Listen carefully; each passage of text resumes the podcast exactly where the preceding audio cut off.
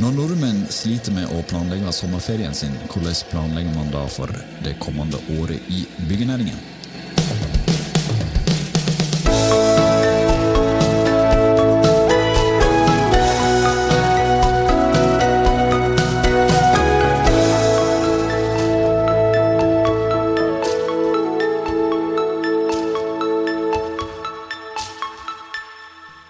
Velkommen til en ny episode av Byggeplassen, byggeindustrien og bygg.nos podkast om og for byggenæringen. 2020 ble mildt sagt et annerledes år enn det vi hadde sett for oss. Og selv om 2021 er bare noen dager gammelt, så kan vi vel trygt si at inngangen òg har bydd på noen overraskelser. Og en som forhåpentligvis kan fortelle oss litt om hvilke forventninger bygg- og anleggsbedrifter har til det kommende året, er administrerende direktør Jon Sandnes i Byggenæringens Landsforening. Velkommen til oss. Tusen takk. Og vi kan jo ta det spørsmålet vi stilte i introen. Har du klart å legge noen planer for sommerferien? Eh, ja, normalt så har jeg jo det. Eh, men eh, familien hadde et lite råd i vinterferien, nei, unnskyld, juleferien, og vi ble enige om at vi legger planene til side og venter hva som skjer i løpet av våren. Og man, Hvilke planer skal man legge i byggenæringen for det kommende år? Det er kanskje litt vanskeligere å svare på? Ja, eh, Det er vanskelig å svare på fordi at byggenæringen er stor og sammensatt. Men samtidig så er det jo også ganske mye som er allikevel forutsigbart. Husk på at byggenæringa lever jo av å produsere det som kommer ut på anbud og på forespørsler. Så man lever altså på å produsere på ordrer. Så Det betyr jo at uh, ordresituasjonen er jo en veldig god indikator på hvordan man tror det vil gå i løpet av året. Så Det er vel kanskje en god innfallsport for å prøve å være litt profet. Og da må vi høre, hva er det den ordresituasjonen sier akkurat nå? Ordresituasjonen preget jo selvfølgelig også hvordan vi trodde det skulle gå i 2020. Så jeg kunne tenke meg kanskje starte litt med bakspeilet. Mm. Eh, for eh, et år siden så laget vi også en framtidsbarometer i BNL hvor vi spurte bedriftene. Og Da var det jo en optimisme som var litt i nedgang i forhold til 2019. Men så kom jo pandemien. 2020, 12. Eh, mars. Eh, og eh, vi må jo si at vi var ganske nervøse i mars og april. Og hvis dere går tilbake og ser på de prognosene vi antok for byggenæringen i mai, så var det totalt sett en nedgang på nesten 8% på bygg og 4% på andre områder. Så det var jo ganske dramatisk. Men så har jo heldigvis da året vist seg at bedriftene har faktisk håndtert smittevern såpass bra at man har greid å holde hjulene veldig godt i gang i løpet av 2020. Eh, og, eh, men man har jo produsert på de ordrene som i veldig stor grad ble inngått før 12.3, og som også har kommet utover høsten. Så Det er det bildet som nå gir oss en indikasjon på hvordan vi tror 2021 blir. Eh, og Det den viser, det er at ordresituasjonen viser en nedgang stort sett hos de fleste. Men ikke så mye at eh, vi har grunn til å rope på alarmknappene. Det er mer usikkerheten som preger bedriftene. Eh, de som lever i det markedet hvor det er kontrakter over lang tid, altså produksjon over lang tid, eh, de har en større forutsigbarhet. Mens håndverksbedriftene og de som driver i rehabiliteringsmarkedet, de har jo alltid levd med en kortere horisont, eh, men de har også en stor grad av usikkerhet. Men vi kan nok anta at 2021 eh, vil nok sannsynligvis ende opp med en total kanskje nedgang på 2-3% Det er det vi tror nå. Eh, så viste jo også 2020 at landskapet kan forandre seg ganske mye underveis. Men det er det vi tror nå. For Dere har jo spådd en stor smell i 2021. Ja. Skjønner jeg deg dit hen at dere kan mer eller mindre avblåse den eh, nå? Nei, jeg vil ikke avblåse, eh, nettopp for at usikkerheten er så stor. Jeg begynte med å si at vi produserer det man vinner i anbud. Derfor har budskapet fra oss og fra andre næringsorganisasjoner vært veldig entydig hele høst, og også kommer til å være det nå gjennom våren og inn også mot revidert. Det er at vi må ha forutsigbarhet i kommuneøkonomien. Vi må ha forutsigbarhet i de statlige finansene, og det har vi fått nå gjennom et statsbudsjett, hvor vi ser at man følger opp på veisektoren, på banesektoren, og også Statsbygg, de store offentlige byggherrene. Men kommunesektoren er jo den store jokeren her. Det er å sørge for at de inntektstapene som de har hatt gjennom pandemien, og fortsatt kommer til å ha det, og de økte kostnadene med å håndtere kostnadskrevende smitteverntiltak. Eh, det må kompenseres. Eh, nå har vi en eh, kommunalminister som har vært tydelig på det, at det skal kompenseres. Så Det er helt avgjørende for å sørge for at kommunene er en forutsigbar bestiller ut i markedet. Både for de små og mellomstore, og selvfølgelig også de store. Men det har, har vært en helt ny situasjon for alle. For organisasjonene, for bedriftene. og så går de ut med virkelige utropstegn og alt de har i, i eh, pakka deres, si, når, det, når det skriker etter krisepakker sånn i begynnelsen. her. Roper de ull, ull?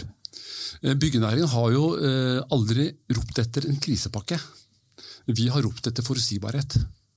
Det er veldig viktig å merke seg forskjellen på det. For altså, I starten så spurte vi etter pakker. Men ganske fort så ble den retorikken både fra oss og fra de andre endret til å ha forutsigbarhet i bevilgningene til offentlig sektor. For det er slik at eh, Vi har aldri vært i en pandemi før. Eh, det nærmeste vi kommer eh, hvordan det påvirker markedet, er jo finanskrisen. Og Tallene vi ser nå fremover, antar at den vil bli omtrent dobbelt så tøff som det finanskrisen var, eh, sett i forhold til næringen. Derfor er forutsigbarheten det viktigste. Så vi, vi, trenger ikke krisepakker, vi trenger forutsigbarhet. Og så er det noen virkemidler som vår næring er også helt avhengig av, som altså har vært en het debatt nå de siste dagene. og Det er bl.a. virkemidler som permitteringsinstituttet. Mm. Eh, hvor da de som ble truffet veldig kjapt, som hotell, og restaurant og utelivsbransjen, eh, de har jo nå kommet så langt ut i permitteringsperioden perioden at den måtte forlenges. Eh, det som er vårt budskap nå, det er at eh, det er bra at den forlenges når den begynner å treffe oss som er kropp og hale på krisen. Men eh, vi kommer nok til å få en ganske god debatt på dette her også. Vi nærmer oss nå mai og juni, og sørger for å se at de som da nettopp er byggenæringen, som er kropp og hale, at de også får tilgang på de virkemidlene. Og Derfor så vil jo nødvendigvis også eh, arbeidsgiverperioden, som eh, i Den gikk vel fra ti dager til to dager? Den gikk fra, fra, fra 16 til 2. 16 til 2. Ja, eh, og så eh, har den øket til 10. Husk at under finanskrisen så hadde vi fem. Eh, og Byggenæringa mener fortsatt at det er behov for å ha eh, redusert arbeidsgiverperiode. Og Da snakker vi om de dagene som myndighetene tar regningen for ja, de permitterte. Ja. Men, men, forutsigbarhet er vel også ja. viktig i forhold til karantenereglene. Hvis vi husker tilbake til starten på pandemien, så var det søringkarantener, det var forskjellige regler, det var uoversiktlig. Dere har jobba mye med karantenereglene. Mm. Si litt om det arbeidet. Ja, Det vil jeg gjerne gjøre. fordi eh, det, det, første jeg har lyst til å starte med, det er at jeg er stolt av bedriften der ute. Eh, vi fra vår side, med våre smittevernveileder, tror jeg sitter på versjon 15 eller 16 jeg nå. Den er en av de mest ja. leste dokumenter på bygg.no eh, i ja, 2020. og Det skjønner jeg. Eh, fordi det handler om produksjon. Det handler om mennesker ut og inn av byggeplassen. Få logistikken til å fungere. Og når da smitteverntiltakene strammes til, og med rette, så er det åpenbart at dette påvirker enhver operasjon der ute.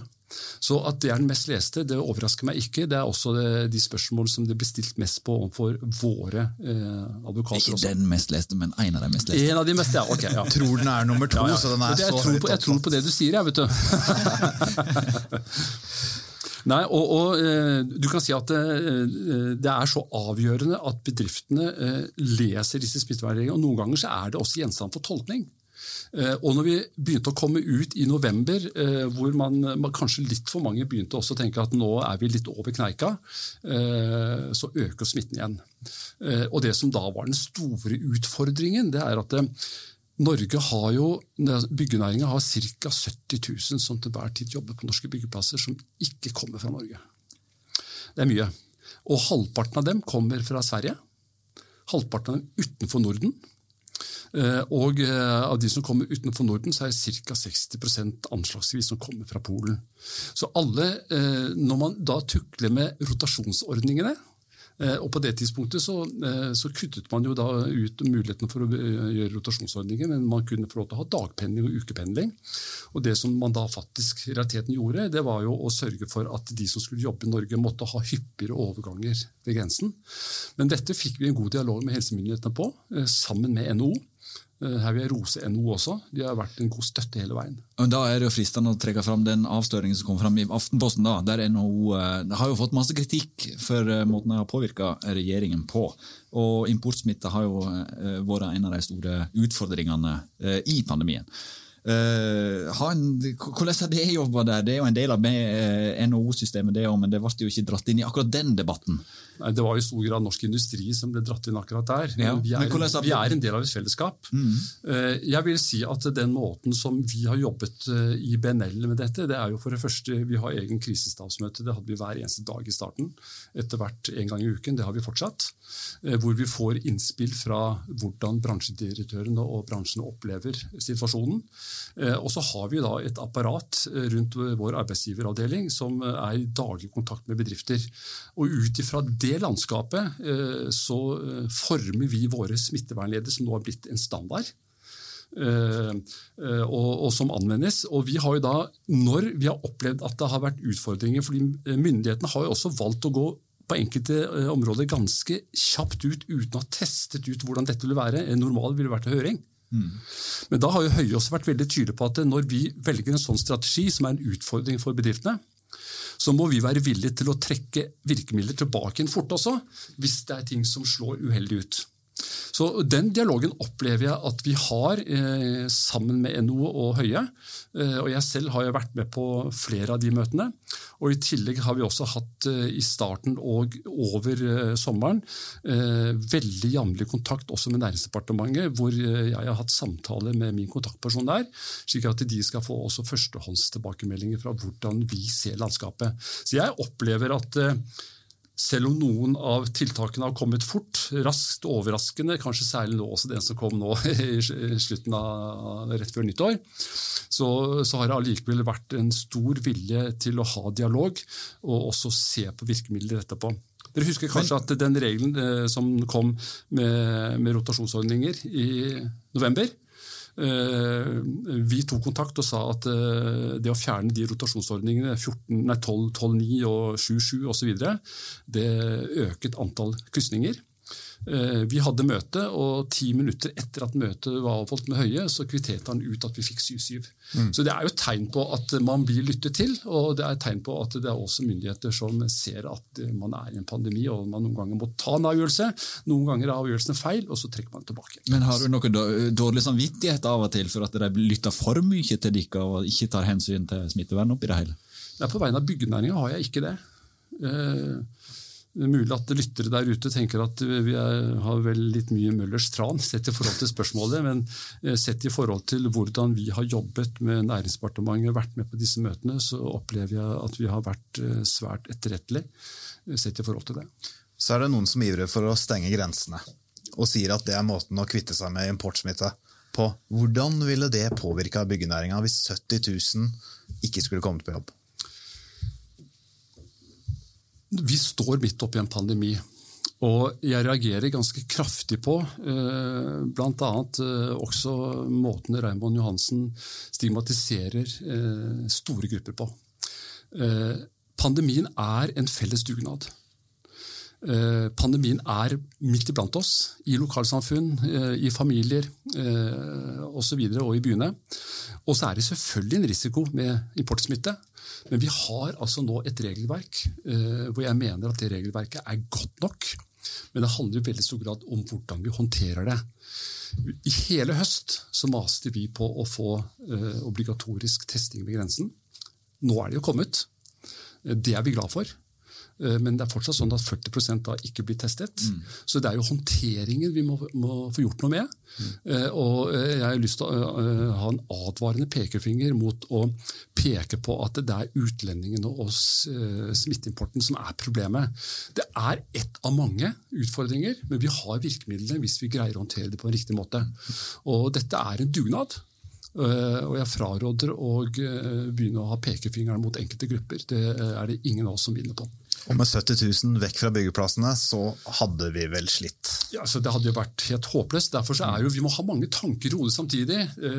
Vi skal gjøre alt vi kan for å holde smittevern nede av hensyn til folkehelse. Og Det er en dugnad vi holder på med, og jeg mener at regelverket er godt nok. Men vi er, vi er selv om vi bygger på tomter i Norge, så er vi en del av en internasjonal næring. Både med arbeidskraft, men også med varer og produkter. Så vi er jo nødt til, gjennom også en pandemi, sørge for å håndtere det på en slik måte at vi holder hjulene i gang, men at også folk skal være trygge på arbeidsplassen, og at vi ikke bidrar til smitte ut i samfunnet. Som om ikke en pandemi var nok for å ryste Norge i 2020 og verden, og for så vidt, så, så ble Norge rysta av en, enda en stor eh, katastrofe, stor hendelse på Gjerdrum. Eh, rett før, eh, før nyttår. Kvikkleireskredet der krevde altså ti menneskeliv, og 1000 mennesker har vært evakuert fra heimene sine i lang tid. Dette her er noe som berører byggenæringen i stor grad. Eh, hvordan eh, påvirker det byggenæringen når sånne type skred skjer? Som mennesker så berører oss kraftig, eh, og som næring så berører oss, for det er jo vi som bygger de fysiske miljøene rundt menneskers liv.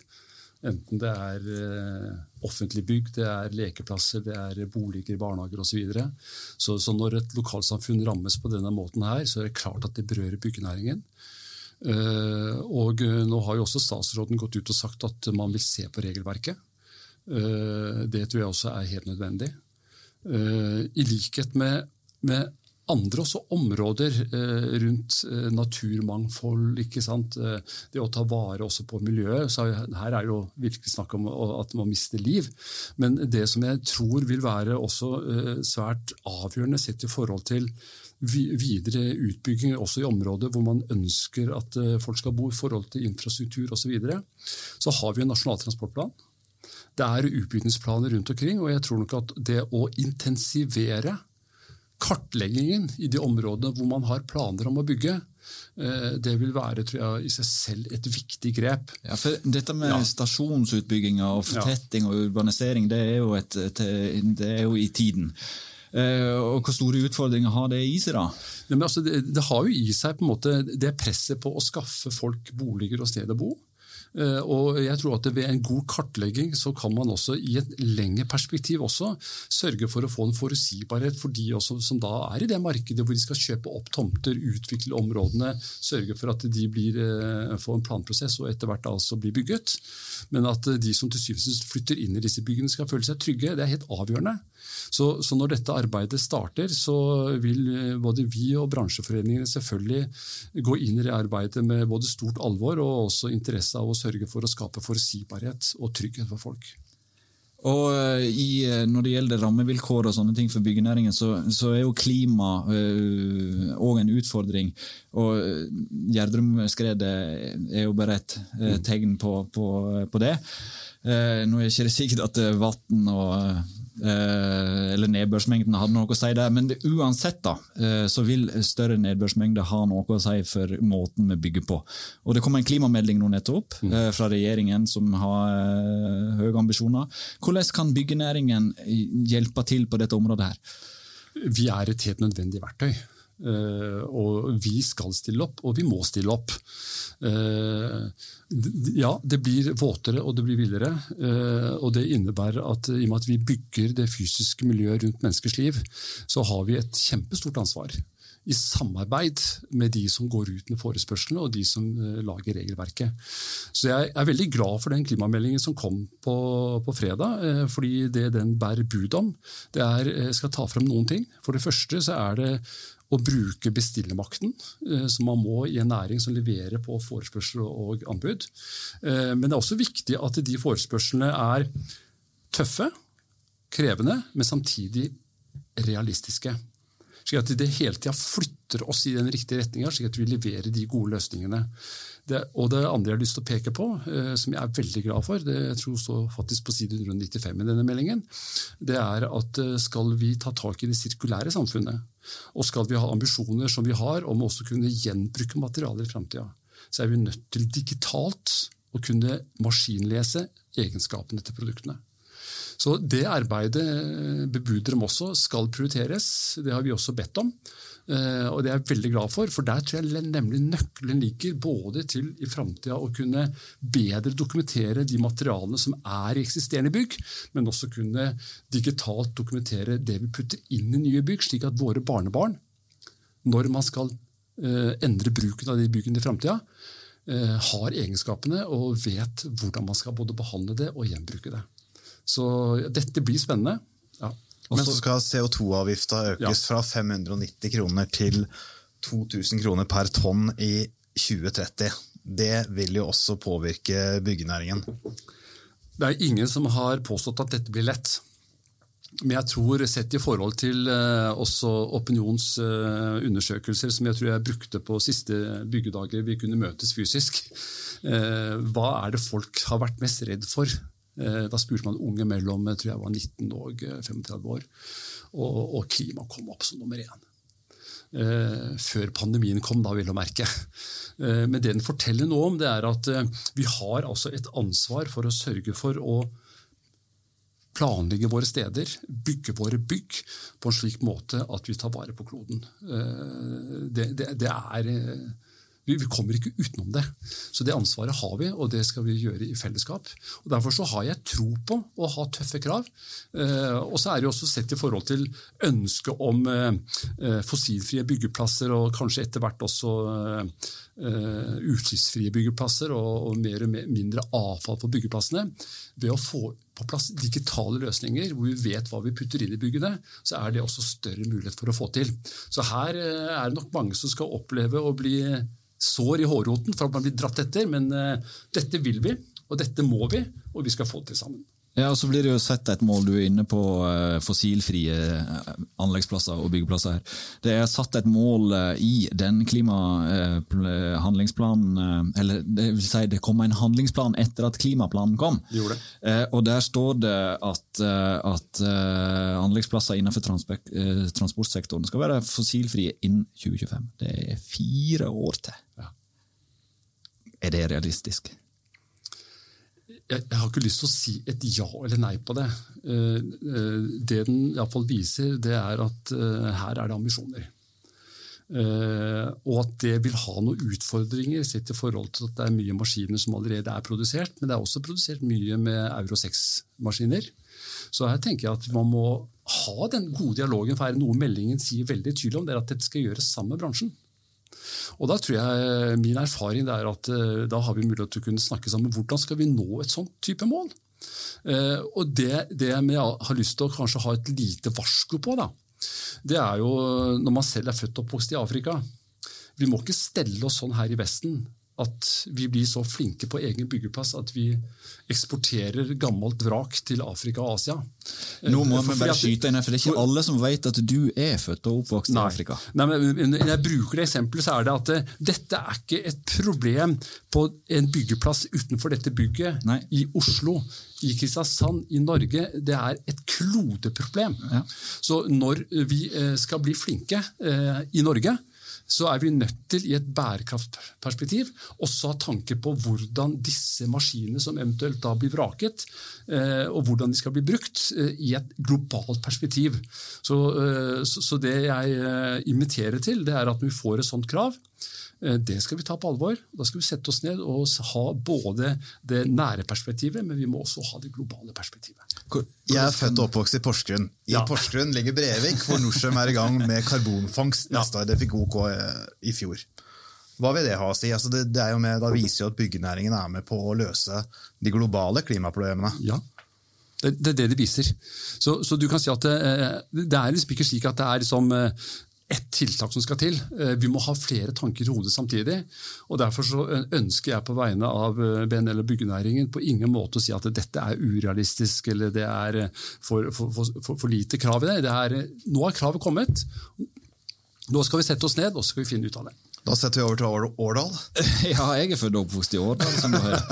Men jeg uh, vet ikke om vi skal si så mye om Årdal sin, uh, sin innsats der, men uh, helt sikkert veldig bra.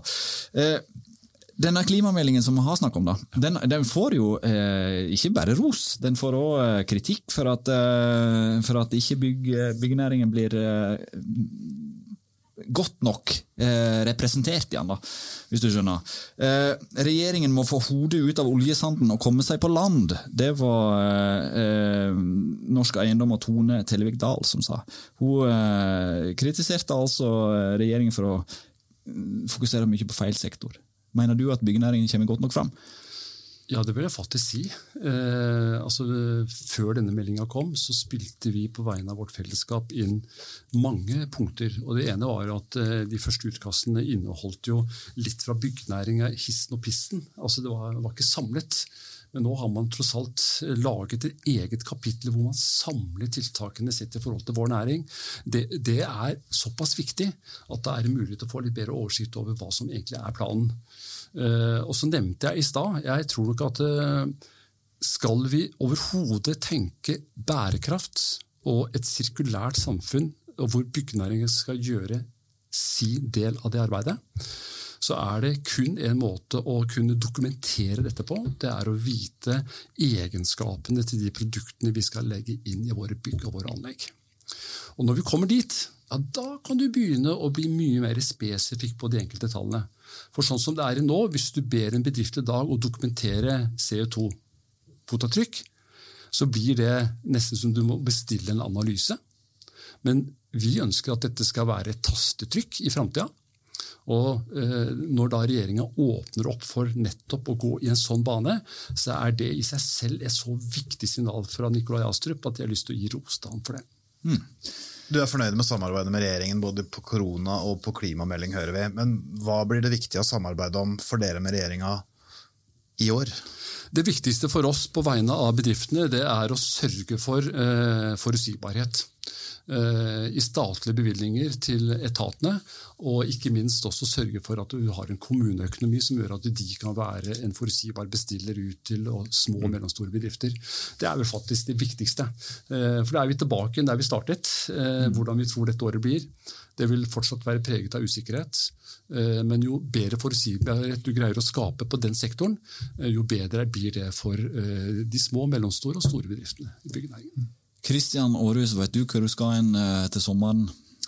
Jeg skal til eh, Bamble, som jeg skal hver eneste sommer.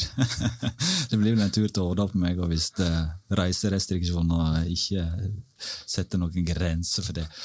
Jeg tror vi setter strek der. Jon, jeg håper at du som lytter har blitt litt litt klokere på hva 2021 bringer. Jeg er litt usikker på om eh, det vi helt kan vite i disse tider vi er i.